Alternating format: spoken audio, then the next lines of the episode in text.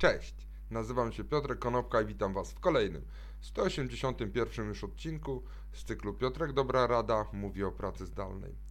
Dziś chciałbym powiedzieć o pięciu trendach, które pojawiają się w pracy zdalnej w tej części HR-owej, które zmienią naszą przyszłość.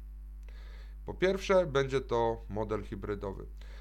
Część ludzi lubi pracować z domu i ma ku temu warunki. Część ludzi lubi pracować z domu, ale nie ma ku temu warunków. Niektórzy z nas lubią jednak pracować z biura. Pojawią się po prostu modele hybrydowe, które zapewnią taką możliwość pracy zdalnej dla tych, którzy tej pracy zdalnej chcą i pracę stacjonarną dla tych, którzy tej pracy stacjonarnej w biurze potrzebują. To pozwoli, takie połączenie, taka hybryda pozwoli jak najbardziej maksymalnie wykorzystać efekty zaangażowania ludzi do tego, żeby pracowali w sposób im odpowiadający, tak żeby produktywność wszystkich firm nie ucierpiała, a nawet była lepsza. Po drugie, drugim trendem jest to biuro w modelu, który znalazłem określenie pod tytułem piasta i szprychy. Co to oznacza? Że centrala firmy będzie taką piastą, w jednym miejscu będą na przykład sale konferencyjne, jedno biuro, ale to nie będzie biuro służące do głównej pracy.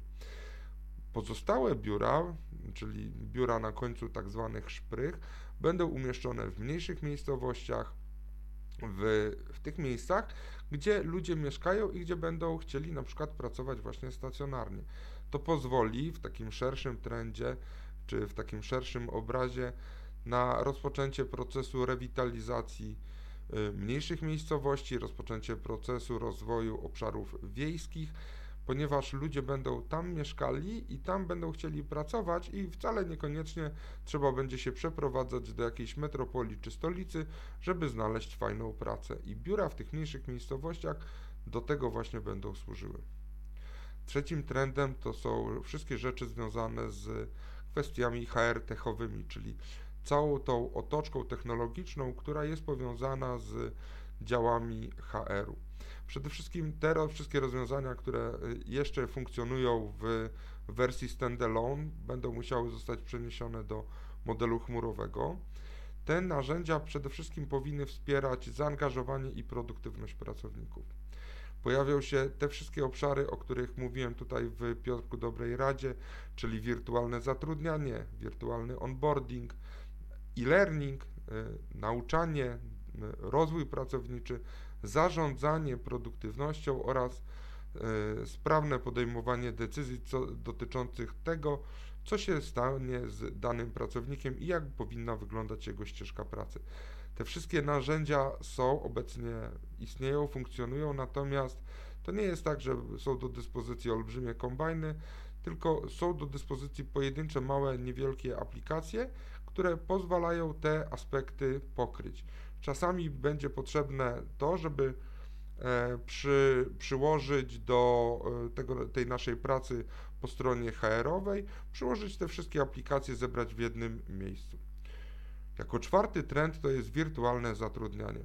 Przede wszystkim obecnie dzisiaj panujące trendy to jest tak naprawdę trend odzwierciedlenia tego, co już umiemy, czyli przeniesienia tego wywiadu ze świata rzeczywistego do świata wirtualnego, ale te rozwiązania są najczęściej nieefektywne, ponieważ y, będą prawdopodobnie możliwe rozwiązania, które są związane z automatyczną i manualną oceną y, kompetencji pracownikach na podstawie materiałów publikowanych online. Czy to będą oceny treści na YouTube, Instagramie, Dribble, Medium, Facebooku czy Twitterze, to już jest kwestia do dyskusji. Natomiast takie narzędzia będą pozwalały na ocenę umiejętności technicznych danego pracownika.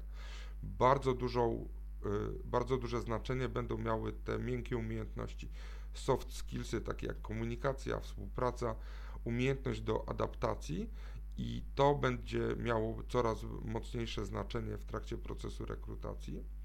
Ta zdalna rekrutacja pozwoli również na zwiększenie kwestii związanych przykład z zatrudnianiem e, pracowników wykluczonych społecznie, czyli matek mających małe dzieci, pracujących czy chcących pracować z domu, e, na przykład osób z niepełnosprawnościami, których, wśród których bezrobocie jest bardzo wysokie, a kompetencje również są bardzo wysokie i te osoby warto włączyć w taką organizację. Także diversity i inclusiveness, jak to mówi się w corpo language'u, również będą na pierwszym miejscu. Kandydaci natomiast będą szukali pracy zdalnej, elastycznych godzin pracy, dobrej opieki zdrowotnej, dłuższego czasu z rodziną i niższych kosztów życia, czyli to, co znamy dzisiaj, czyli siłownie i owocowe czwartki, tak naprawdę odejdą w zapomnienie. I piątym trendem, który będzie można zaobserwować w nadchodzącym roku, to jest zmiana modelu ocen okresowych. Przede wszystkim nie będziemy już mierzyć dupo godzin, a rezultaty. Ciągły proces oceny będzie funkcjonował zamiast ocen okresowych, czyli odejdą w niepamięć oceny półroczne, kwartalne czy roczne, natomiast ten proces oceny będzie ciągły i ten feedback, który będzie ciągły, również będzie traktowany jako narzędzie do tego, żeby pomagać pracownikowi się rozwijać, tak żeby był coraz bardziej przydatny dla organizacji. To było pięć trendów, które będą miały, które będą zachodziły w 2021 roku, tak żeby można było e, zobaczyć, czy te wszystkie nasze przewidywania się sprawdzą. Wrócimy do tego tematu za rok. Dzięki serdeczne, do zobaczenia i usłyszenia jutro. Na razie.